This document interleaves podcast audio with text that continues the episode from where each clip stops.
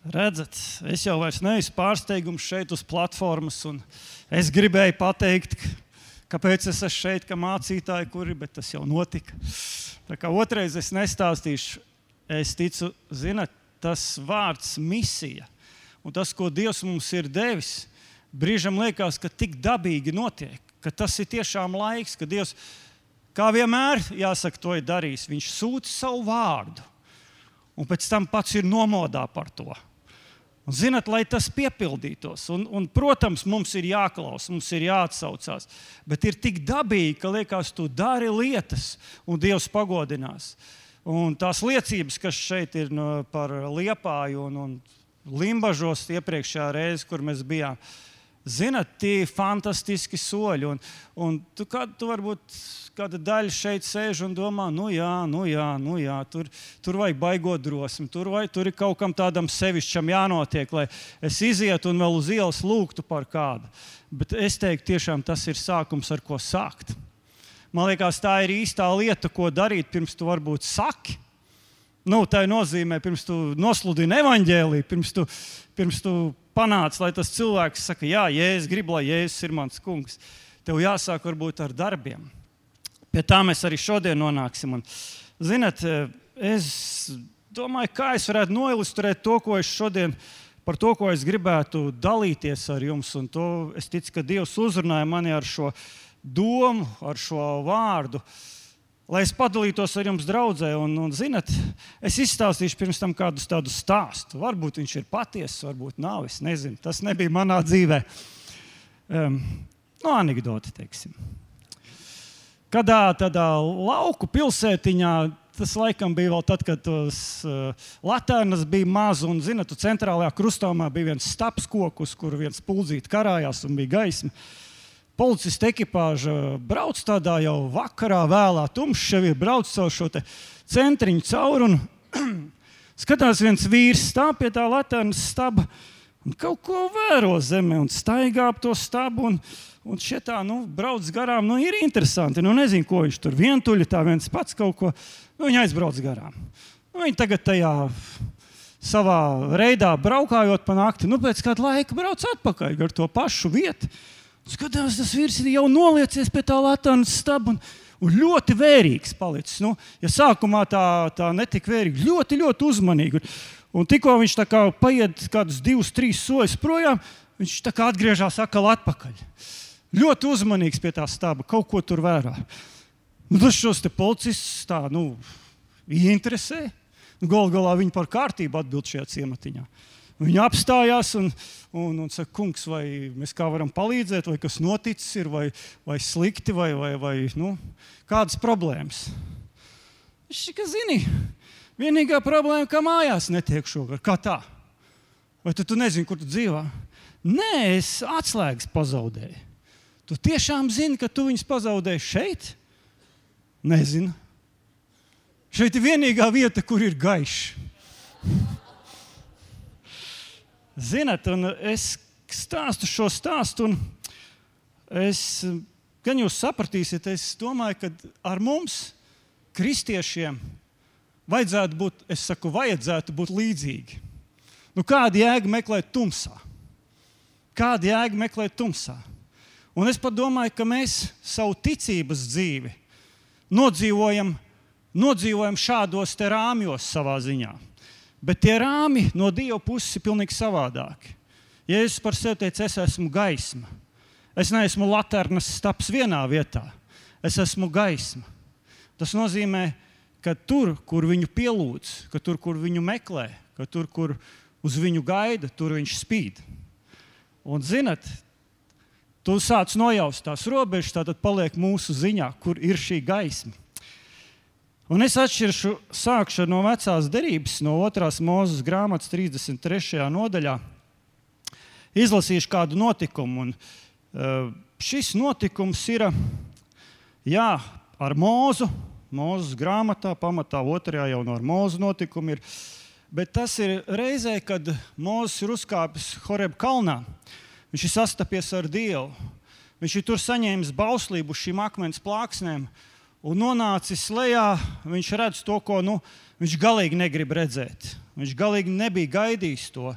Un tauta ir izveidojusi zelta teļu un pielūdz viņu. Un, un notiek tas, eh, kas ir liekas pilnīgi pretējs kaut kas tam, kam vajadzēja notikt. Viņi zināja, ka Mozus ar Dievu satiekās. Nebija pirmā reize, kad Mozus iet Dievu lūgt, un, un pēc tam Mozum bija šī gudrība vadīt tautu. Bija kaut kas, ko viņš varēja mācīt, pateikt. Un šī reize bija vispār Dievs bija iedevis derību savu uz šīm akmens plāksnēm. Un tauta ir atkritusi tik tālu, ka viņi pielūdz šo te teļu. Un es redzu to, ka Mozus patiesībā to redzēs, viņš sasit tur tās plāksnes, un, un ar viņu notiek tas, ka viņš patiesībā ir zaudējis savu, savu spēju ticēt savai misijai, tam savam aicinājumam, tam, kas viņam ir jādara. Un tad šeit es uh, lasīšu no.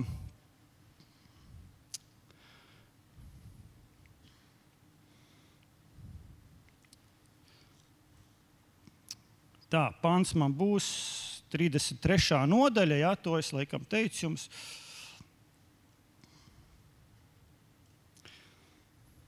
No, astu, no 18. panta. Tad Mozus sacīja: rādi man lūdzams savu godību. Pēc tā, kad šis notikums ir noticis. Un, un viņš sacīja, tad, tad Dievs saka, es likšu visai savai godībai iet garām tavā priekšā. Un es saukšu tavā priekšā tā kunga vārdu, jo es esmu žēlīgs, un kam es esmu žēlīgs par to, es apžēlojos. Bet viņš sacīja, manu vaigu tu nedrīksti redzēt, jo cilvēks nevar mani redzēt un palikt dzīvs. Un tas kungs sacīja, redzi, šeit pie manis ir vieta, kur tu vari nostāties uz kalnu, nostāties uz klints. Un notiks, kad mana godība ies tev garām, es likšu tev stāvēt klints spraugā un sekšu pār tevi savu roku, līdz kamēr būšu pagājis garām Un kad es pacelšu savu roku, tu mani redzēsi no muguras, bet mans vaigs nebūs redzams. Mūzis interesantu lietu izvēlās. Viņš izvēlās, lai viņš vispār kaut ko darītu, lai viņš pēc šī notikuma iet tālāk. Viņš saka, rādi man savu godību. Un tas, no, tas ir vecās derības laiks, un tas ir uh, laiks, kad Dievs saka, ka cilvēks uh, bez tā, ko mēs šodien esam piedzīvojuši, jaunpiedzimšanu, nevar redzēt Dievu. Patiesībā mēs šodien ar savu fizisko ķermeni, ar savu fizisko miesu, ar savām fiziskajām acīm arī nevaram redzēt Dievu. Ar šo ķermeni, kur mēs dzīvojam, ir zemes. Bet, bet ar garīgajām mēs to varētu. Un šeit Dievs saka, ka es tev iešu garām, mana godība ies tev garām. Un tas nozīmē, ka Mozus tika ielikts tādā klints spraugā. Viņam vienā pusē ir klints, otrā pusē ir klints. Un Dievs, Dieva godība ir gatava iet garām. Viņš saka, un tajā brīdī, kad es tev iešu garām, es tev vēl aizsekšu ar savu roku. Mūzam ar to pietika, un šī dieva godība gāja garām, un viņš viņu piedzīvoja. Viņš saka, tu man redzēsi no mugurpuses, bet man vajag, tu neredzēsi. Un, zinot, pēc šī notikuma, kas notiek ar Mūzu, es vienkārši pārstāstīšu to stāstu īsi. Viņš griežās atpakaļ šajā Horeba kalnā. Viņš iet atpakaļ. Viņš atkal Dievs viņam ļauj izgatavot šīs akmens plāngas, ar kurām viņš dodas kalnā, lai atkal uz šī akmens tiktu ar Dieva roku. Es gribētu teikt, iegravēti šie baušļi. Mozus var atgriezties tad, kad viņš ir redzējis Dieva godību. Mozus var atgriezties patiesībā nevis tāpēc, ka viņam vienkārši kāds pavēl iedod. Viņš saka, man vajag. Man vajag redzēt tevi, man vajag redzēt tavu spēku, man vajag redzēt, kā, kā, kā, kāds esi tu. Man vajag to. Un, zinot, tā kā tajā manā stāstā, tam vīram vajadzēja gaisma, lai viņš meklētu savus atslēgas, bet viņš bija ļoti ierobežots. Es gribu teikt, ka mums vajag redzēt šodien. Mums tieši tāpat vajag redzēt, lai mēs izdarītu to, kas mums ir jāizdara, lai mēs paklausītu Dievam. Un Valters jau šodien paņēma raksturvietu, kurā es biju gribējis nedaudz pieskarties, un tā ir Iesaistas grāmatas 60. nodaļa. Šis ir vārds tiešām vēl ar vienu šim gadam. Dievs vēl ar vienu turpina to darīt pie mums. Un es, es lasīšu to, un, un, un pēc tam es gribētu tam piektajam pantam visvairāk pievērsties. Celies, topi apgaismot, ja tev gaisma nāk, un tā kunga godība uzlec pār tevi. Tik tiešām tumsība apklāj zemi un dziļa krēsla tautas, bet pār tevi uzlec kā saule tas kungs, un viņa godība parādās pār tevi. Tautas staigās tavā gaismā, un ķēniņi tai spožumā, kas uzliecas pār tevi. Pacel savus acis un skaties visapkārt. Tie visi ir sapulcējušies un nāk pie tevis. Tavi dēli nāk no tālienes, un tavs meitas uz rokām atnestas. Kad tu to redzēsi, tad tu staros priekā, un tavs sirds iedrebēsies un atvērsies, jo jūras bagātības virzīsies šurp pie tevis, un tautu mantas ieplūdīs tevī. Piektais pāns, kad tu to redzēsi. Tas neatiecās tikai uz to, ka tu redzēsi, ka tavi dēli tiek atnesti un kad bagātības plūst pie tevis. Tas attiecās, es domāju, sākot no pirmā panta, tu vari, tu vari redzēt to vai, vai, vai raudzīties uz to. Un es pat gribētu teikt, ka tas ir tas, ko Dievs grib, lai mēs ieraugam, ka tā kunga godība uzlec pār tevi. Zinat, tas nenāk no sajūtām, tas nenāk no tā, ka tu ka tu vispirms sevi uzmundrini, ka tu sevi pārliecini, ka tu sevi iestāsti. Tas nāk no tā, ka tu redzi glābēju jēzu. Ka tu redzi glābēju jēzu. Tu teikts, ir, tu, ieraugi tā gunga godību uzlec pār tevi. Tas, ko Mozum vajadzēja. Mozum vajadzēja, lai šī godība apspīd viņu, lai šī godība apstaro viņu. Viņš varēja doties un, un, un tāda sajūta, ka tas viss, kas tur bija noticis, tas viss ar to āronu un, un, un tautu, viņi ir pielūguši šo zelta teļu vai ne. Tas viss tā kā izgaisa priekš mūzes. Priekš viņa bija atkal pilnīgi jauns uzdevums. Ne jauns no sākuma, bet pilnīgi no jauna viņš varēja darīt to, kas viņam bija jādara. Iet un saņemt šo bauslību savai tautai. Halleluja! Bet paklausies, es klausījos uz to liecību šodien, ko atkal Gatis liecināja. Un es domāju, lai darītu kaut ko tādu, tas nav varoņdarbs, bet tas ir kaut kas tāds, ka tu saprati to, ko vārds par tevi saka, saprati, ko Jēzus no tevis sagaida tu esi piedzīvojis kaut ko no tā. Un nevis piedzīvojis tikai to rezultātu, bet tu esi piedzīvojis to, ka Dievs tevi ir uzrunājis, ka Viņš tevi ir atklājis, ka tu to vari darīt. Un es gribu teikt, ka katrs no mums ir tādā statusā. Katrs, neviens mūzus vairs tikai. Neviens mācītājs arī tikai, nu, es domāju, nevis neviens, bet, bet ne tikai mācītājs šeit uz platformas, bet katrs mēs esam tajā vietā. Paklausies, Dievs caur tavām rokām grib darboties šodien. Dievs grib lietot tevi. Dievs grib lietot tavu muti šodien. Dievs grib, lai tu esi tiešām liecinieks. Halleluja! Slavu Jēzum! Un paklausies, un šie pravietojumi vārdi, kas ir iesaistīti grāmatā, kad tu to redzēsi, es vēlreiz piekto pantu, kad tu to redzēsi, tad tu staros priekā un tavs sirds iedrebēsies un atvērsies un jūras bagātības virzīsies šurp pie tevis, un tautu manta ieplūdīs tevī. Paklausies! Es redzu to par draugu vispirms. Par draugu un ļoti personīgi pār mums katru. Kamēr tu to neieraugi, kamēr tu to neieraugi kā atklāsmi, Kamēr tu to neieraugi kā sapni, kā vīziju, es nezinu, vienalga kā. Joels saka, ka pēdējos laikos tas tā būs, ka mēs redzēsim sapņus, ka mēs redzēsim vīzijas, ka mēs redzēsim parādības. Un tās nav tādas, nu, uh, baigais pērkons un negais tāds, nu, kā bērnībā pēdējo reizi kaut ko tādu atceros. Saprot? Tas ir dabas parādība, bet ir garīgas lietas. Ir garīgas lietas, kuras mums jāierauga. Kāda, es domāju, kādu laiku jau staigājot ar Dievu, varbūt 20, 30 gadi, kaut ko nojauta vai sajūta kaut kad tajos, varbūt kaut kādos atmodas laikos, kad kaut kas notika, un, un redzēja, kā Dievs aicina cilvēkus. Es domāju, tiešām laiks mainās. Mācītājs par to runāja, ka laiks ļoti mainās un vēl mainīsies. Bet es gribu teikt, viņš jau ir izmainījies. Es tā skatoties atpakaļ, domāju par to laiku, ko mēs saucam par atmodas laiku mūsu zemē, kad mūsu zeme atguva neatkarību atpakaļ ne, no, no, no tās okupācijas, kurā mēs bijām tos 50 gadus. Es domāju, laiks nomainījies ir strauji un, un radikāli.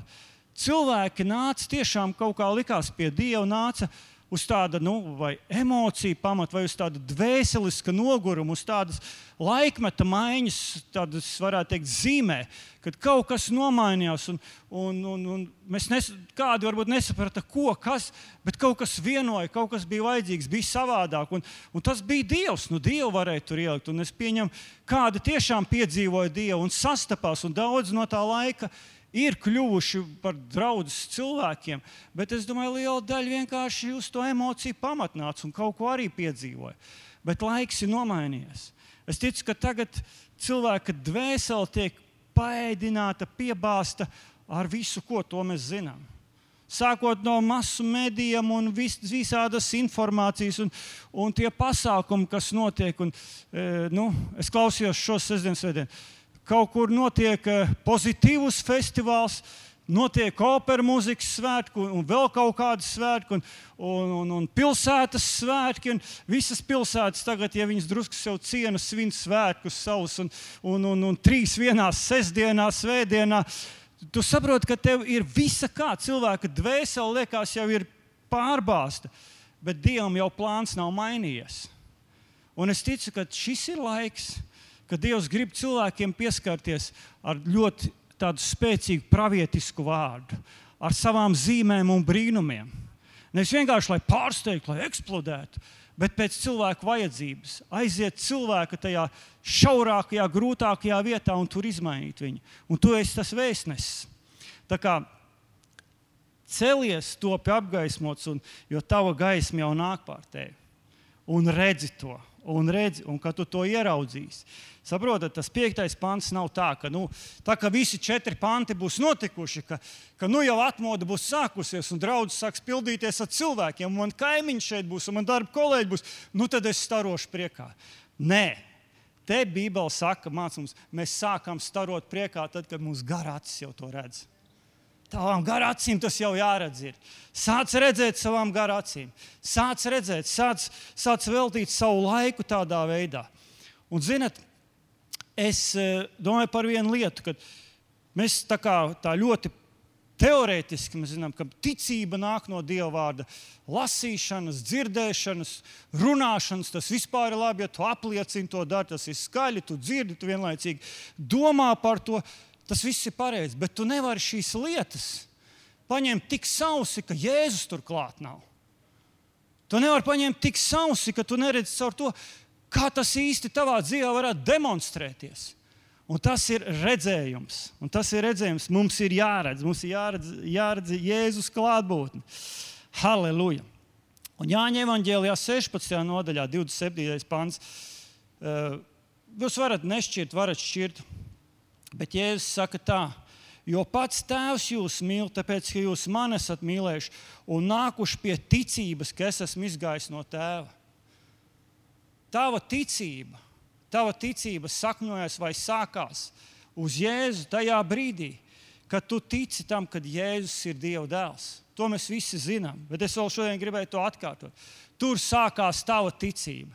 Tava ticība nevar sākties uz, uz notikumu sakritību, tava ticība nevar sākties uz emocijām, tava ticība nevar sākties uz to, ka nu, zīmes ir kaut kādas, nu, kaut kas tagad, kaut kam ir jāsanāk. Zini, kādreiz cilvēks saka, nu, ir tāda zīme, nu, manā dzīvē ir tāds, tāds apstākļus, nu, ir kaut kas, laikam tad varētu notikt, tad, jās, tad varētu tur kaut kas atrisināties. Es tagad ticu tam, vai ne?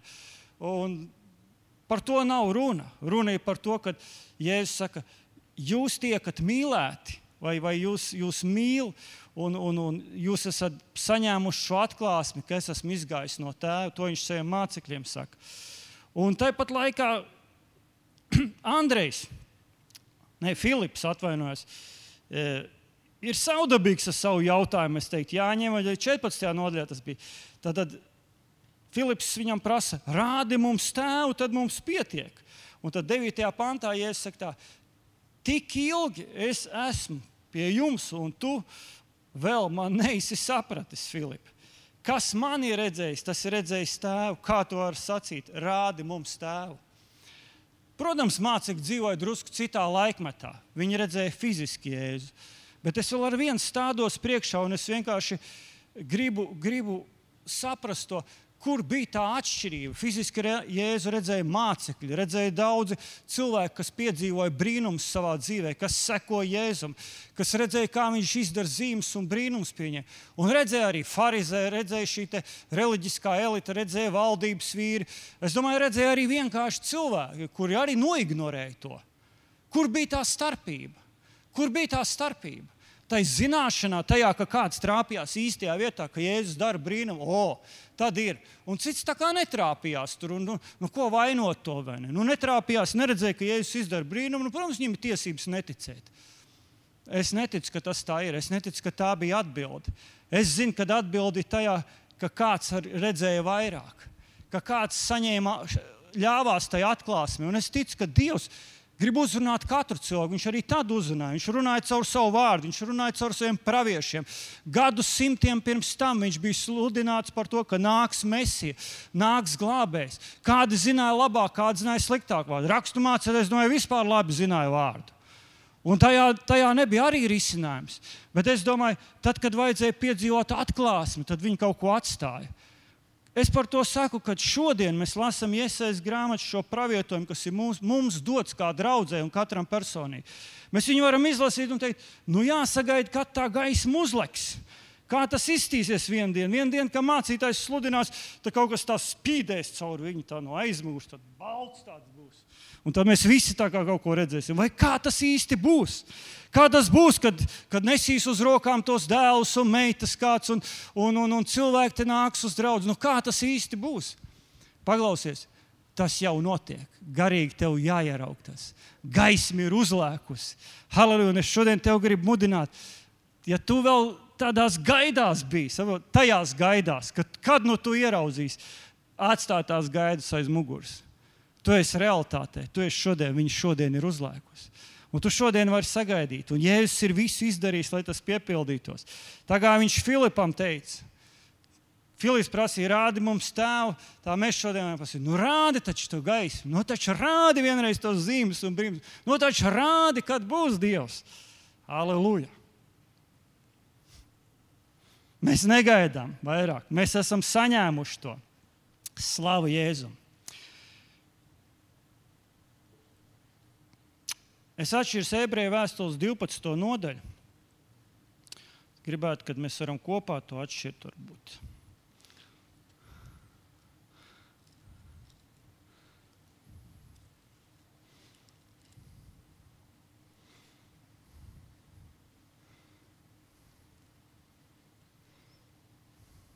Un te no otrā panta. Skaties, kā tas stāv rakstīts un raudzīsimies uz Jēzu, ticības iesācēju un piepildītāju. Mēs šeit varētu apstāties. Tālāk, teica, kas viņam sagaidāmā prieka vietā krustu ir pacietis, par kaunu nebēdādams, un ir nosēdies pie dieva labās, pie, pie dieva tronim pa labai rokai. Bet tas sākums - raudzīsimies uz Jēzu, mūsu ticības iesācēju un piepildītāju. Atbilde, draugi, ir tava ticība sākās, un tava ticība ir tik daudz piepildīta, vai tu tik daudz lieto ticību? Es redzu pēc šīs raksturības, cik tu raugies uz Jēzu. Tu staigā ticībā tik daudz, vai tu saņem tik daudz, pat es arī tā teiktu, cik tu raugies uz Jēzu. Es vēl ar vienu esmu sapratis, ka bieži vien ticību atdalot no visa, mēs domājam, ka tā ir pozitīva domāšana, tā ir sakoncentrēšanās. Nu, es ticēšu vienu dienu, nu, es, nu, es saņemšos. Nu, es taču, taču tā nevaru vairāk, un, un, un, un jāsāk, ir, jā, jāsāk paļauties. Mācīties, kā svētdienā uzkāpt uz platformas. Tā. Pa, tic uz Jēzu! Tic uz Jēzu. Ticība ir tā, kas tev var palīdzēt. Ticība ir tā, kas te izvedīs cauri grūtiem laikiem. Nu, taču jāsāk ticēt, jāsaņemās. Drusku no otra gala. Izrādās, ka Jēzus ir mūsu ticības iesācējs un piepildītājs. Tu nevari radīt sevī ticību. Jā, tu lasi vārdu, bet es vēlreiz saku, tad lasi vārdu. Tad es, es sevi noķēru pie vienas domas, kādu laiku atpakaļ. Es braucu svētdienā uz dievkalpojumu, un, un es gandrīz zinu, kas būs. Es nezinu, kas tiks sludināts. Un, un kādreiz ir tā, ka būšu atklāts. es mājās kaut kā pavadot laiku, Dievu kādas iepriekšējās dienas. Kaut kā Dievs runā kaut kādu, kaut kādu vārdu manī un kaut, ko, kaut kādu tādu virzienu. Un, zināt, es atbraucu vienā uz dievkalpojumu, vārds ir par to. Un tad, o, oh, oh, Normand, tu sadzirdēji. Nu, ne tieši, vai ne, es negribu paaugstināties, bet es redzu to, ka Dieva gars mūs vada. Dieva gars mūs vada, Dieva gars vada tevi. Viņš vada tevi. Un te nav runa par to, ka es jau tā kā, nu jā, nojaušu kāds vārds, aizbraukšu, pārbaudīšu, vai mācītājs arī zina pareizi. Atvainojiet, tas joks nav vietā. Bet ne par to es stāstu. Stāsts ir par to, vai es uz šejienes braucu Un es gribu, Jēzu, Jēzu, ka tu man pateiksi, ka tu man pieskarsies, ka, tas, ka es tevi ieraudzīšu, ka es sa saņemšu kaut ko, ko es tiešām neredzēju. Vai es ar tādu sirdi atbraucu uz šejienes un atnāku? Un es ieraudzīju, tam ir starpība, draugi. Tam ir starpība. Kad tu vari savu muti vaļā slavēšanā, tad pēkšņi tev aizmirstās, vai tev rokas ir augšā vai lejā. Tev vairs nevajag, lai Valters saka, nu tak, draugi, nu tak slavēsim Dievu. Tu saproti, tavs sirds kaut ko dara. Tu kā aiz rokām lejā, tu vari piedzīvot fantastisku dievu klaudu, tu vari raudāt. Un kādreiz tu esi rokām augšā, un tu attopies, ka tev ir rokas augšā, un tu slavē Dievu, un tu to gribi darīt no sirds. Tāpēc, ka tā bija tava motivācija. Tu gribēji redzēt Jēzu. Tu gribēji redzēt Jēzu. Draugi, ja mēs kā draugi neaugsim, neslāpsim redzēt Jēzu, mēs nevaram sagaidīt, lai mūsu līdzcilvēki un pasaule to gribētu. Tas nevar tā vienkārši tur notikt, tāpēc mēs par viņiem aizlūdzam. Tāpēc mēs vienkārši sakām, mūsu zemi, bet mēs te urbjam, mēs te sanākam kopā, katru svētdienu varētu aizbraukt uz jūru, pasauļoties, bet nu, jānāk kopā. Tas nedarbojās. Tas nedarbojās. Nesagaidi, ka tavi līdzcilvēki to ieraudzīs, ka tavi līdzcilvēki to gribēs. Tas varbūt ir no, gan no manas dzīves, bet es, tad es vēl nebiju ticīgs. Tad, kad man bija problēmas ar alkoholu, es domāju, daudz alkoholiķu pasaulē to negrib teikt. Es arī nerunāju, es ticēju, ne, negribēju to teikt, bet viena lieta, ko es savā sirdī sapratu, iekšēji sapratu, tā ir tāda atkarība, ka es ar to cīnos un es vaļā no viņas netieku. Un es mēģināju, zinot, es mēģināju. Jūs teiksiet, tas ir brīnums. Nē, tas nav brīnums. Visi mēģina. Visi mēģina neaizdzerties, visi mēģina neiekrist atkal tajā. Tad, kad tu esi ticis pie skaidra prāta, vai ceļš, tad, kad tev ir grūti, tad, kad ir ziepes daudz sataisīts, tu pārdzīvo par visu. Tad saka, tev ir e, fiziskās un morālās paģiras, tev viss ir kopā. Tu pārdzīvo, un tu negribi, tu gribi tikt vaļā, un tu sev motivē. Un varētu teikt, zini, tā kā man liekas, Viktors Lapčēnoks kādreiz tādu dziesmu dziedāja. Nemeklē to pudelē, pudelē tās nav. Tie vārdi bija kaut kādi. Es izrauju no vidus, no konteksta. Nu, es jau zināju, ka laimes pudelē nav. Nu, es jau viņu kā tur nemeklēju. Un tur es varēju sev motivēt un domāt, ka es to nedarīšu. Un, un kad es tur tiešām laimi neatradīšu, tas neko nemainīja manā dzīvē. Un, zinat, es, es tad vēl Jēzu nepazinu. Bet es tāpat laikā gribu teikt, ir slikti, ka mēs kā Dieva bērni līdzīgās situācijās esam. Dažkārt līdzīgās situācijās vienkārši. Nu, taču tā nevar. Nu, redz, kā tas brāzumās. Vienkārši be, mēģinām te, sev ar motivāciju to izdarīt. Un Jēzus nekad to negribēja. Jēzus nenāca, saprot, vienkārši moralizēt. Jēzus nāca sastapties ar tevi. Jēzus gribēja, lai tu ieraugi viņā glābē, lai tu ieraugi viņā atbildi, lai tu ieraugi viņā risinājumu, lai tu ieraugi viņā spēku, lai tu ieraugi viņā savu nākotni, savu aicinājumu, lai tu ieraugi viņā. Nevis sevi nokoncentrē uz to, ko tu izdarīsi vai neizdarīsi. Un, zinot, es pēc tam sāku domāt par, par vīriem un sievām, ko apraksta Dieva vārds mums, Bībele, ko apraksta. Kā viņu dzīvē darbojās tie brīnumi, un es tiešām ieraudzīju fantastiskas sakritības. Jā, tur bija ticība, tur bija ticība, bet kā ticība viņiem lika rīkoties? Un viens no pirmajiem, es, es, es teiktu, kas nu tā, Nav secībai nozīme, bet tu, es sev tā pierakstīju. Ir caķis. Muitnieks caķis. Es domāju, nu, ko viņš sevišķi izdarīja. Nu, ko kā puisis uzrāpās. Bet padomā, es domāju, pēc tam klausies. Tas iemesls, kāpēc viņš rāpās kokā, viņš bija mazs augumā. Bet bija taču tur garāk arī. Tie taču arī gribēja redzēt Jēzu, un tie varēja palikt zemē un skatīties, stāvēt un redzēt. Jo tur ir teikts, Bībelē, kā ir teikts, ka viņš Jēzum bija jāiet pa to ceļu, un viņš gribēdams redzēt Jēzu, būdams mazs no auguma, izlēma rāpties kokā, uzkāpt kopā. Redzēt, ar ko viņš sevišķi sit kā? Ar ko? Bet paklausies, kad es sāku domāt, muitnieks caķējis kokā. Es domāju, gandrīz vai sliktākā gadījumā viņš iepriekš pa ciematu vai pa to ceļu, kur nu tāds jēza, viņš jāja rēzeli, viņš bija muitnieks. Viņš jāja rēzeli, viņš brauc gar tavu māju, viņš pieklāvēja pie tām durvīm. Hei, nodeva! Samaksā viņam bija naudas maisis pie sāniem. Tāds puisis pa kokiem nerāpo. Saprotiet? Tu varbūt, ja pie tām durvīm klauvēs, sēdi jau dārzā ābelē, lai tev nepamanā, nomaskējies. Bet muitnieks kokā nerāpjas. Un es saprotu, kaut ko tas vīrs bija dzirdējis, saņēmis atklāsmes, viņš bija kaut ko ieraudzījis pirms tam. Un tad viņš gribēja fiziski vēl to jēzu redzēt. Varbūt viņš bija dzirdējis daudz par viņu brīnumu darbiem. Un tie bija paņēmuši viņā vietu, viņā bija radusies šī ticība, draugi. Bet Kaut kas bija ar to vīru. Un, zinot, es to saucu par ticību tikai. Es to saucu par ticību. Ņemt pretī visam savam statusam, visām savām sajūtām, visam tam, ko, ko šis ciemats par mani līdz šim domāja. Es tagad rāpjos kokā, un, un Izrēlā vēl tie koki tādi, zini, tā, nu, tā nav mūsu, mūsu priedes, eglis. Un, Nu, tur, tur tādi, tādi krūmeļi vien ir, vai ne? Viņš tur rāpjas, zars, lūst, varbūt krīt lejā, vēl kaut kur tur ķerās. Man, man vajag redzēt, Jēzu. Tā ir ticība. Un zināt, ar ko tas beidzās? Jēzus uzmanība ir pievērsta. Nu, kā tie citi stāvēja apkārt? Ja jau, jēzus, ja jau caķis nevar redzēt, jēzus, tad ļaužu puls bija liels apkārt. Tie nepievērs uzmanību. Un tur arī varbūt bija ar līdzīgām sirdīm un arī gribēja redzēt.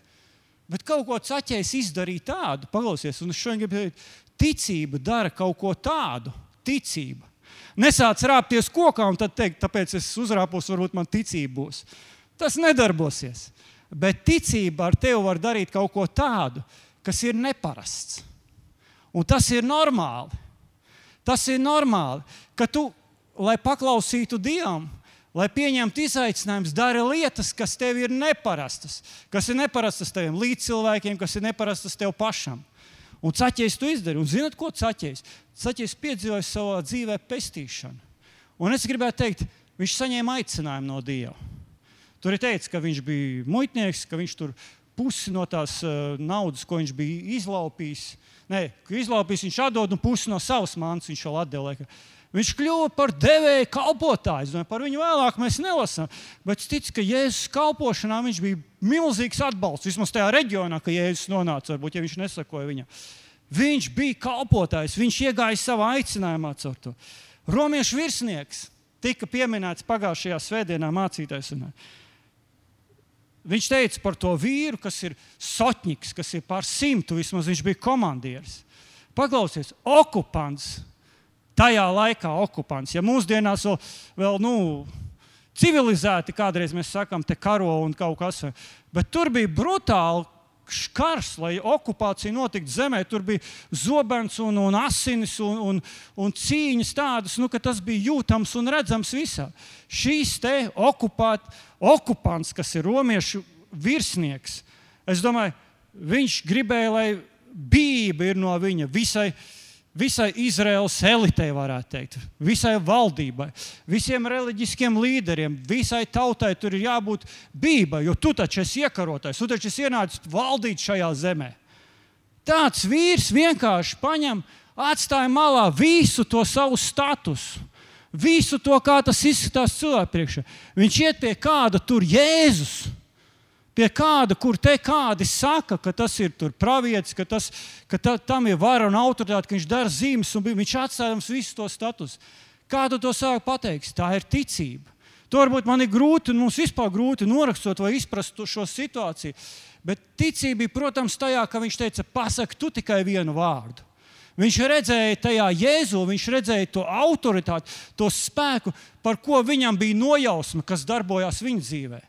Bet es gribētu teikt, lai to izdarītu un līdz Jēzum aiziet un teikt, tie nebija tikai tie vārdi, ko viņš Jēzum teica. Es ticu, ka tas bija kaut kas tāds, kad Jēzus arī redzēja, uz ko šis virsnieks ir gatavs. Ka viņam ir vienalga, ko viņa priekšniecība teiks, vienalga, kā tas izskatīsies. Vai viņš varbūt tiks atstādināts no tā sava amata, vai, vai vēl kaut kā, vai viņš tur netiks atbalstīts. Viņam bija vienalga par asinssedzīgo sielu bieži, man liekas, ir arī pieminēts dievkalpojumos, un, un mēs paši lasām, kas ar to sievu īsti notika. Tur ir teikts, ka viņa 18 gadus, 18 gadus bija slimojusi ar šo sērgu. Šī sērga bija tajā laikā pēc bauslības nešķīstība. Nešķīstība. Par to īstenībā viņa ne, nedrīkstēja dēļ šīs sērgas nonākt sabiedriskā vietā. Viņa nedrīkstēja, nedrīkstēja izbaudīt dzīvi, ko citi varēja baudīt. Bet šī sieva, riskējot ar to visu, riskējot ar to, ka viņa tiks akmeņiem nomētāta pēc bauslības, riskējot ar to, ka viņa var vilties atkal. Tur teica, ka viņa doktorus bija apmeklējis, ka viņa bija bijusi pie neskaitām, un tie vēl bija viņai pāri nodarījuši. Nebija varējuši palīdzēt, bija pāri nodarījuši. Es nezinu, kas tas īsti bija ar viņu noticis, bet viņai bija daudz sāpju izdarīts vēl caur to. Bez tā, ka viņa pati ciet no šīs sēgas. Viņa, iedomājieties, ļaužu pūlis, kurā viņi nedrīkst atrasties. Tur noteikti prominenti cilvēki ir arī apkārt, un Jēzus mācekļi, un, un tur ir pūlis vesels. Man liekas, tajā visā zemē, kā tas notiek, tajā, tajos apstākļos, es domāju, tur, tur, tur cilvēki nu, viņi nebija tik pieklājīgi, kā mēs viens otram pieskārām, atvainojiet, atvainojiet. Viņi tur berzās, viņi tur lauzās, tur kaut kas notika. Tur, kad mācekļi to komentē, viņi saka, kad Jēzus pie jās saka, ka, kas man ir pieskāries par šo sievu, tad viņš saka, paklausies, ko tu jautā? Tu saproti, kā te laužās visi. Es domāju, Pēters jau tur bija jau, jau, jau saskrāpēts, jau, jau, jau tur drēbes saplēstas, grūstīdamies, tur, tur mazliet ļau, lai ļautu Jēzum virzīties uz priekšu. Es, es varbūt dramatizēju, bet es pieņēmu, ka tā arī bija. Tur šī sieva pa vidu vēl. Viņa laužās cauri, viņa ir viena alga.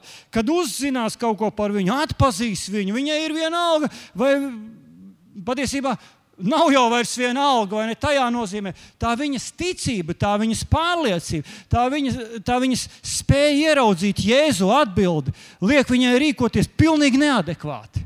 Pilnīgi neadekvāti viņas apstākļiem, viņas situācijai.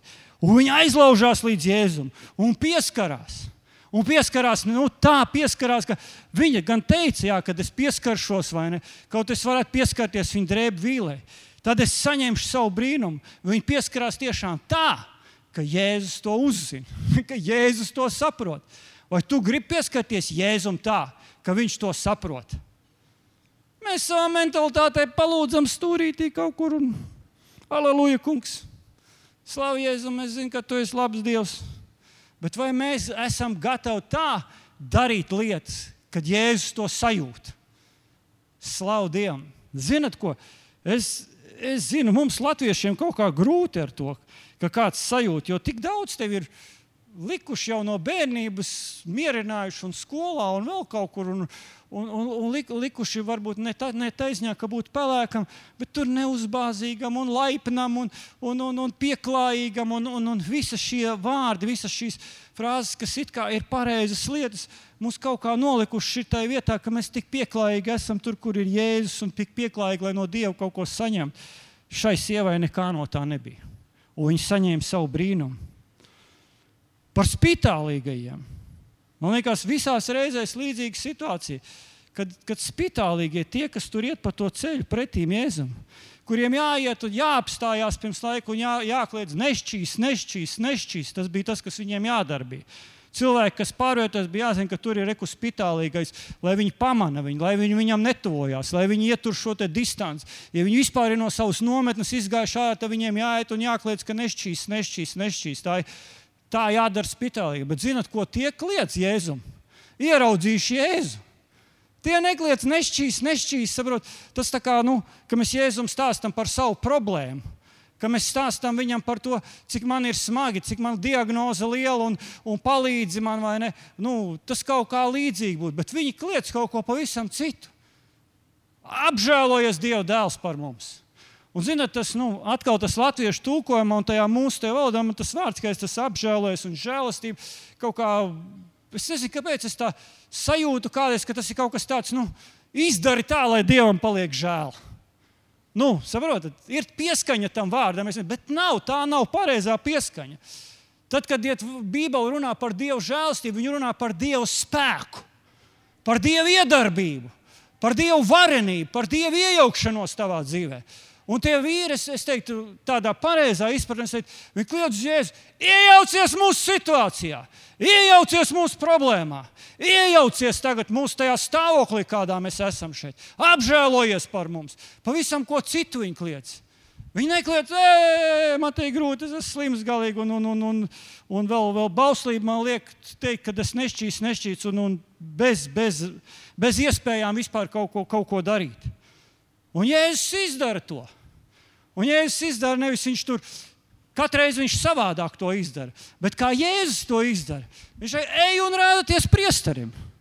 Un tie vīri apgriežas un iet, bet paklausieties, Bauslība teica, ja tu esi saņēmis dziedināšanu no spitālības, atrādies priesterim, priesteris pārbauda tavu ķermeni, tu esi vesels, tu vari atgriezties sabiedrībā. Šie Es nezinu, vai viņiem uzreiz tas notika vai nenotika.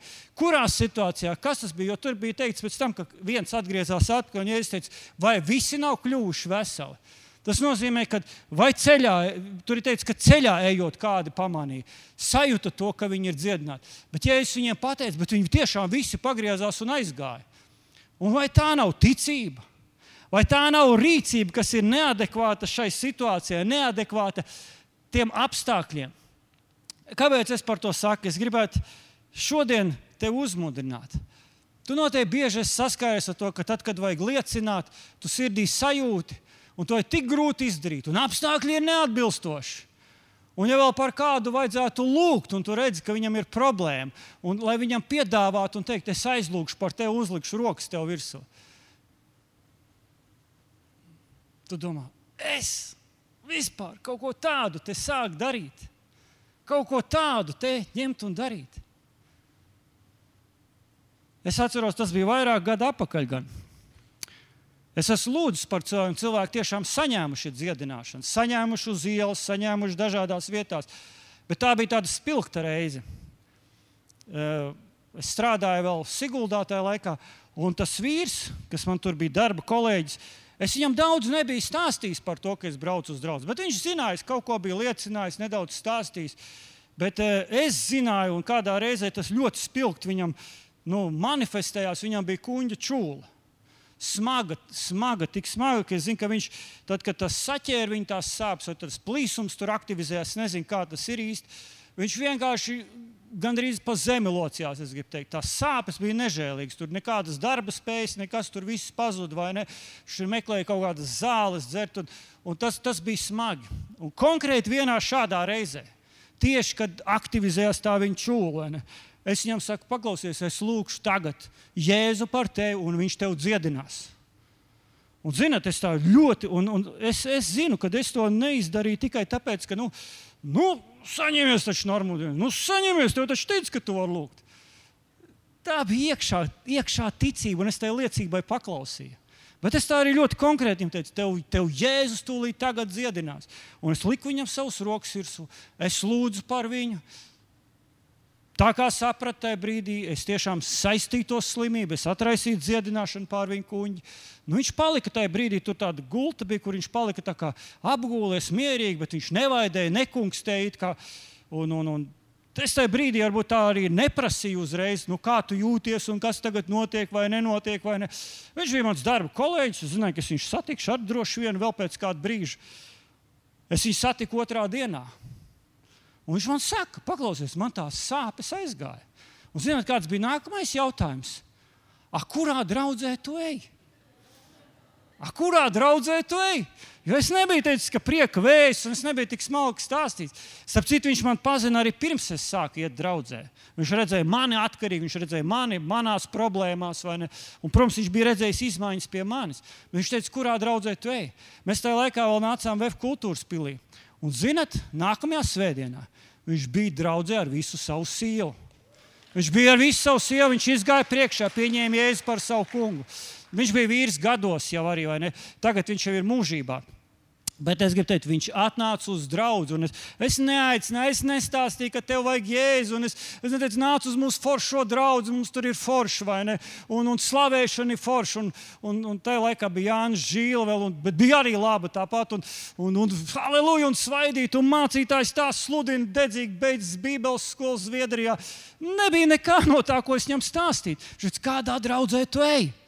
Viņam to vajadzēja. Viņš tiešām saņēma dziedināšanu. Man liekas, ka viņš pat liecināja tajā draudzē, tur, ka viņa tā liecība bija tāda, kad, eh, ka viņš saņēma brīnumu no Dieva šo dziedināšanu. Viņš, saka, nu, viņš tāds skārnieks bija pēc profesijas, ar bleķiem darbojās. Viņam bija tas teiciens, ka es laikam tagad naglas varētu ēst, mans kuņģis strādā. Viņš saka, tā, tā, tā viņa liecībā tas, tā frāze bija tāda. Bet es, te, es sapratu, ka Jēzus gribēja mani lietot. Un Jēzus vēl ar vienu grib lietot mūs. Un cilvēki grib būt aizskarti no tā. Un, zinat, nu, pareizi jau ir, ka mēs sakām, ka ja tu gribi Jēzu ieteicināt savā dzīvē, kā savu kungu un glābēju, tad mēs sakām, ka ar mutes liecību tu saņem pestīšanu un sirds ticību, taisnību. Un tad mēs sakām, labprāt, tu varētu teikt šo lūgšanu un vadām cilvēkus lūgšanā. Bet Jēzus vispirms redzu, staigāja un darīja zīmes un brīnumus. Un bija cilvēki, kas izvēlējās viņam sekot. Un es domāju, tā sekošana, tajā sekošanā jau ir tas, ka to, ko Valters šodien pieminēja, es gribu slēgt derību ar to labo kungu. Es gribu slēgt derību ar to, kas ir atklājies manā dzīvē. Es gribu slēgt derību ar to, kas man izrāvis no grēkiem. Saprotiet, Tu gribi no cilvēka, lai viņš vispirms slēdz derību, un tad viņam izstāstīt. Un ir labi, ka viņš slēdz derību spēkā un svaidījumā, un tad tu viņam māci. Bet cilvēks drīkst arī iepazīt, un tas ir pareizi. Viņš grib iepazīt vispirms spēku. Viņš grib piedzīvot Dieva spēku. Halleluja! Nu, labi, vēl viens personāžs ir mūsu net vai, vai pagānu sieviete, Sira Foiniķiete. Kā viņa saņēma savu brīnumu?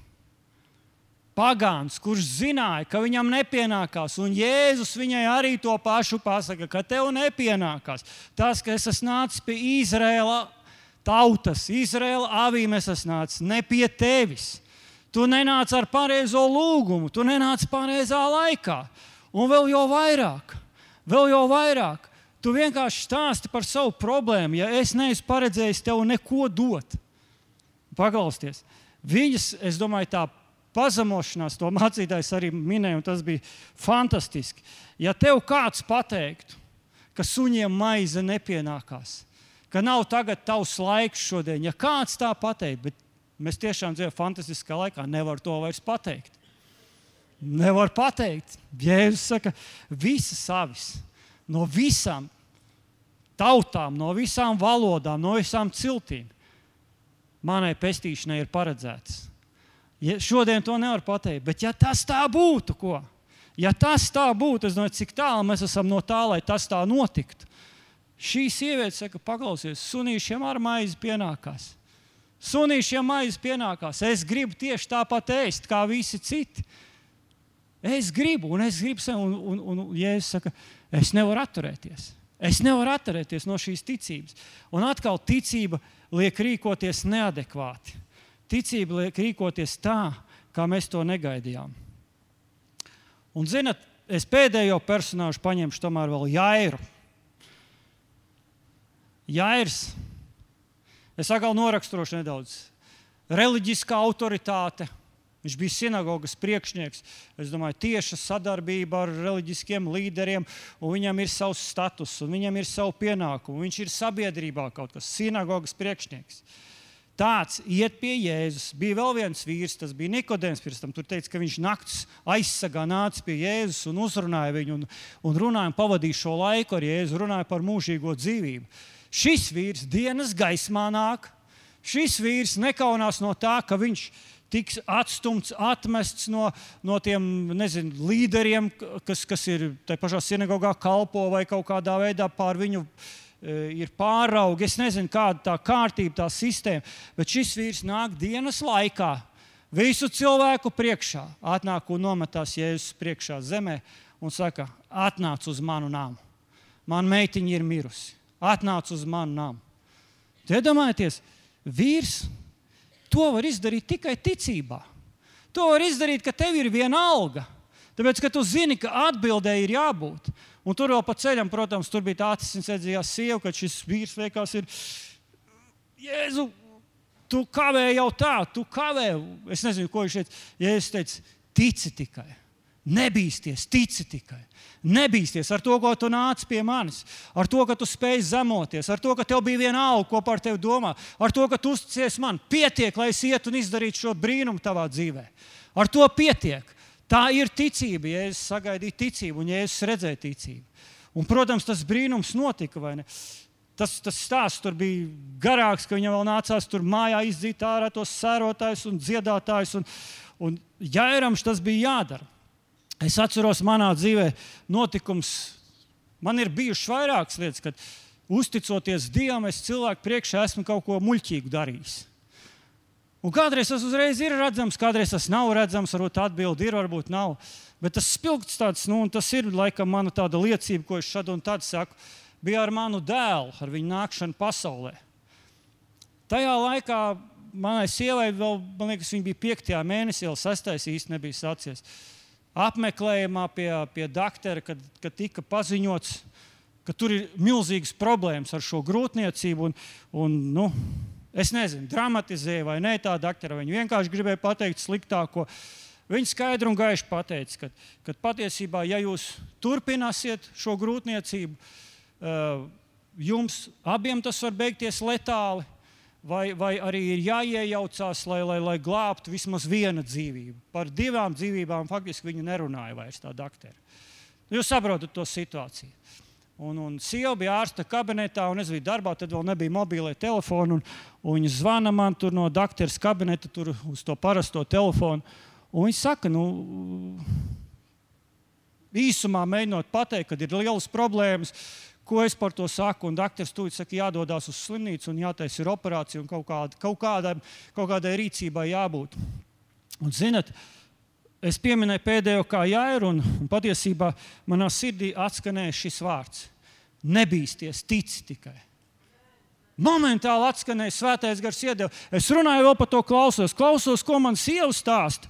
Kā klausos to diagnozi, tās, tās, tās, nu, nu, man kā tēvu tas skar, jo es, tas ir runa par manu dzīves draugu, par manu bērnu, ne, par, par mūsu ģimeni kaut kā. Nu, tas, ir, tas var visādi būt. Tu, ja tu tā analizē cilvēciski, tu vari sašust. Matus plēst no galvas, vienalga ko, bet tu saproti, ir traki. Bet man atskan šis vārds. Un, zinat, vārds ir Jēzus, Bībelē saka. Un Jēzus ir vārds. Un tas vārds nebija tiešām vārds, tie nebija panti. Tici tikai, nebīsties. Saprotiet, sajūta bija, tā sajūta bija, un, un gan arī es vizualizēt varēju, ka Jēzus ieskatās manās acīs un saka, tā kā jāiram, tic tikai, nebīsties, tic. Tu zini, ko es darīju? Es sēdos mašīnā un devos uz to kabinetu piedāvāt. Es teicu, pagaidi tur mani. Es devos tur, un es biju tur tālu, nebija tā mana darbieta, nezinu, 5, 10 minūtes. Es biju klāt tur. Un, un, un es sēdēju tajā kabinetā, un es saprotu, e, es tādas lietas, kā jums stāstīšu, es nedarīju tā vienkārši. Tu sēdi pie doktora. Dakteris taču ir persona vai cilvēks, kurš tev varētu sniegt šajā situācijā palīdzību, ja vispār kāds var sniegt palīdzību. Nu, cilvēcis, tu saproti. Nu, kur, kur, kur, kur vēl te iet? Nu? Tev stāsta tādu diagnozi. Nu, dakteris taču var palīdzēt. Un es tur sēžu tajā kabinetā un es skatos to doktoru. Es saku, doktorīt, Mēs neiejauksimies, mēs netaisīsim nekādu operāciju. Tā saruna, protams, bija garāka. Es tā uzreiz nesāku tur. Es mēģināju tā pieklājīgi ar viņu runāt, kad mēs ticam uz Dievu un mēs ticam arī brīnumiem. Un, un, un tam tā nevajag būt. Ne? Un, un tā, un tas, tas mans tas, nu, apkopojums, tevi, mēs to nedarīsim, mēs neiejauksimies. Un, un, un, un, un mūsu bērns piedzimis sveiks un vesels. Tur apmēram tā tā saruna mums gāja. Protams, ka doktori man nesaprata. Es kā vēlreiz nu, mēs taču ticam Dieva brīnumiem, un Dievs ir varants. Viņai bija viena alga. Nu, jūs saprotat, tas ir normāli. Viņai ir viena alga. Bet, zinot, es, es sevi ieraudzīju līdzīgi kā šie personāļi, ko mēs lasījām. To, ko Jēzus apraksta Bībelē, tos cilvēkus. Kaut kas no tā, ka tu cilvēku atcerēsies, ir dumšs un mudaks, un tu vispār runā, ko tu gvelz vai tu narkotikas esi salietojies, vai kas tev ir, vai ne, es nezinu, ko viņi domā caur to. Likās viņai tas, viņas sirdī tas neatsaucās, un viņa nekādu nevarēja tam piekrist. Un, un vispār tu ignorēji, viņa pat neteica, nu, pamēģiniet, nu, jā, ir jau, nu, vai, vai kaut ko. Nē, tur bija norakstīts, tas viss bija. Un, un zinat, tas gandrīz vai līdz konfliktam brieda. Viņi saka, jūs savam dzīves draugam gribam darīt pāri, nu, jūs, jūs tā vīrietis, jums viss vienalga, vai kas tur, nu, tād, tādas frāzes tur sākās. Beidzās tas ar to, ka viņi man ielika priekšā papīra lapu Un lika man, nu, es neatkāpos no tā, man lika to uzrakstīt ar savu roku un parakstīties apakšā, ka es atteicies no operācijas, no šīs iejaukšanās. Un, un, un, un es uzņemos visu atbildību uz sevi. Nu, man vairāk nebija ko teikt. Es uzrakstīju šo lapu. Gandrīz vai nācās pateikt, Jēzu, te viņi ir. Nebīsties, tici. Sajūta, ka es uzrakstīju to labu, bija drusku tāda, ka man tā kā tā noplaka tas viss. Ziniet, nē, tu vari tā justies. Man likās, tu tādu kaut ko izdarīji, un tad man nācās vienīgais, ko ņemt to atpakaļ. Vairs jau nebija pie kā griezties, vairs nebija nevis tā lepnuma dēļ, bet tā, ka tu saprati Dievs, tas bija tu. Tu vienīgais, pie kā vērsies, tu pieies pie savu debesu tēvu, un tu saki, Jēzus, tu to teici. Un, zinat, es nezinu, kā tur īsti bija. Kāds laiks, man liekas, bija, ka tā kā, tās vizītes pat pie, doktora pārtrūka. Atbraucām ar sievu mājā. Mēs, protams, lūdzām, mēs, protams, stāvējām pretī valnām, mēs atraisījām dzīvību par to bērnu. Dievs man bija devis apsolījumu, ka man būs dēls. Un Dievs jau bija devis pirms tam man viņa vārdu. Tas ir cits stāsts, bet, bet es zināju, man būs dēls un viņam būs vārds Salamans. Mēs par to lūdzām, mēs palikām. Un, un ja nemaldos, kaut kādu ilgāku laiku, kad jāiet diezgan bieži pie doktoriem vai ne ar grūtniecībā esot, man liekas, viņa kādu laiku pat sieva nebija, vai kaut kā tur mums tas stāsts tā beidzās, ka viņa aizgāja pēc kāda laika uz tām pārbaudēm. Tais pārbaudēs jau uzrādījās pilnīgi kas cits. Tais, tās analīzes bija mainījušās, tas stāvoklis bija mainījies. Un mums piedzima īstajā laikā vesels, spēcīgs puika. Halleluja! Viņu sauc Salamans. Šis dievkalpojums nebija par Salamanu un tā liecību, bet es gribu teikt, ka Es redzu, Dievs, ja es ko zaudēju tavā priekšā, es gribu būt tur atpakaļ. Es gribu redzēt tevi, Jēzu. Es gribu vispirms tevi redzēt, un tad es zinu, ka sekos zīmes un brīnumi. Es gribu tevi redzēt, es gribu tevi redzēt, ieraudzīt tevi, nevis teikt, nu, gaidīt, nu, kad tad, kad tad tu, kungs, kaut ko parādīs. Zināt, katru reizi, ja es tāpat laikā darīju zīmes un brīnums, bet katru reizi, kad pie viņa atnāca un prasīja, nu, rādi taču kādu zīmi, nu, taču rādi kaut ko. Jūs zinat to atbildi. Ja es teicu, vienīgā zīme būs tikai Jonas zīme, būs. jums citas zīmes nav jāredz.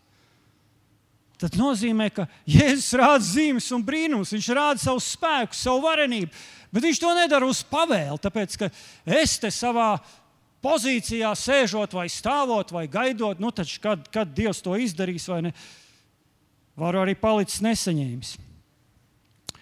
Ui, mums laiks steidzās ļoti. Es, es vēl pēdējo lietu ļoti īsi gribētu paņemt, tā kā pēdējo sadaļu.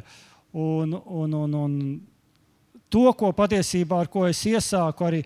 Un, un to, ko mēs dzirdējām no gata liecības, un mēs dzirdēsim tās liecības, draugi, vairāk un vairāk.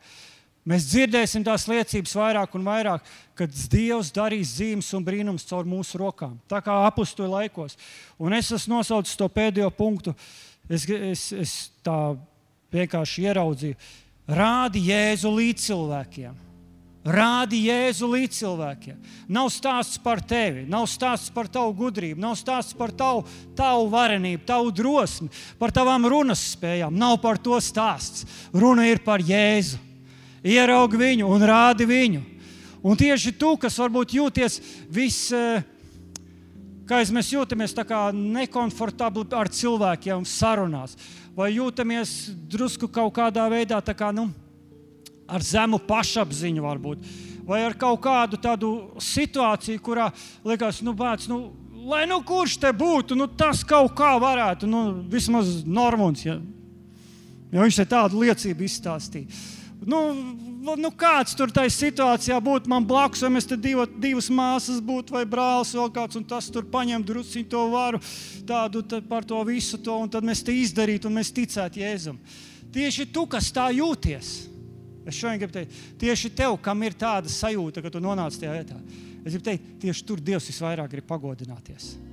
Tieši to var sagaidīt. Nu, es, tur nav sakarības, varbūt tādas, kuras nevaru tā izlasīt. Pāvils vienīgi saka, ne, ka zems šajā pasaulē, kas nicināts, vai ne to Dievs ir gribējis paaugstināt. Varbūt kaut kur saskaņā ar to, bet kaut kā dievam patīk, ka nevis mēs tā kā tur druskuļi savu ambīciju, savu pieredzi atnākam un halleluja, Jēzus, tu esi jau mani.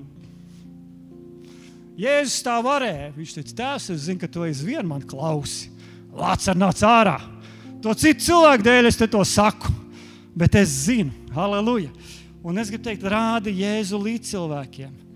Un, un, un zinat, Dievs var darboties tad, kad tu esi redzējis Jēzu. Tu jau vajag vispirms pašam viņam redzēt, tev vajag veltīt laiku viņam. Tev vajag ar tādu atklāsmi, jeb ar tādu nezinu, attieksmi. Paņem Dievu vārdu, lasi nu, to pašu mazumiņu, ko lasi ar to atklāsmi. Jēzus tā ar tevi runājos. Kad es nāku uz dievkalpojumu, es nāku Jēzu ar tevi satikties. Es ticu, ka tu pieliksi milzīgi lielu tādu soli tai savai attīstībai, klāt, tam piedzīvojumam ar Dievu. Tikai no tās attieksmes jau. Un Jēzus varēs manifestēties, un tie būs pirmie soļi, kurus tu sāksi darīt. Tiešām kā gads teica, ar kaut ko ir jāsāk. Un fantastiski, ka mēs varam sākt ar tām lietām. Tās ir mazākās. Tās ir pirmās, ar ko mācekļi tika izsūtīti. Piekrīt. Jēzus izsūtīja mācekļus, viņš teica, jums ir vara pār nešķīstiem gariem, demoniem, slimībām, sērgām. Ejiet un sludiniet Dieva valstību. Ejiet un dariet, dziedināt slimus, šķīstiet spitālīgus. Ejiet un to darat. Ejiet un to darat. Un tas sajūsmināja mācekļus. Nu, viņiem bija jāsajūsminās gan pēc tam, bet mēs jau lasām, ka tas notika. Viņi, viņu dzīvēs vai vispār cilvēces vēsturē nekas tāds nebija bijis. Viņi teica, pirmo reizi Izrēlā kaut kas tāds notiek, ka demoni bēg vispār. Pirmo reizi kaut kas tāds, bet mēs esam draugi citā laikā. Mums ir priekšgājēji. Mums ir Jēzus ticības iesācējs un piepildītājs. Viņš iesāka pie tevis, viņš iesāka, tu ticēji, tāpēc, tas, kas ar tevi noticis, tāpēc, ka Jēzus, un tas pats Jēzus turpina, tas pats Jēzus pilnveido to visu.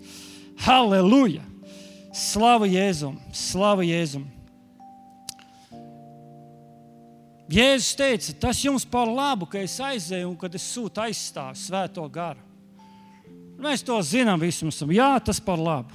Zinām, kā kādreiz strādnieks saka, nu, tas ir forši, ka priekšnieks aiziet projām, var mierīgāk strādāt. Nav, nav tāds uztraukums, nestās uz rokām. Nu, nu labi, te nav tādu strādnieku. Bet tu, tu zini, par ko es runāju. Kādam, kādam ir tāds, kad tas priekšnieks, tad, tad, tad varētu domāt, ka Jēzus šiem mācekļiem saka, nu jums tas par labu, ka es aiziešu. Jūs tā kā bišķiņi nebūsiet tik uztraukti, nebūsiet tik, tik nervozi, ka jūs lūgsiet, ka jūs sludināsiet. Nu vienkārši jums tas par labu, jūs tā brīvāk jutīsieties. Paklausies!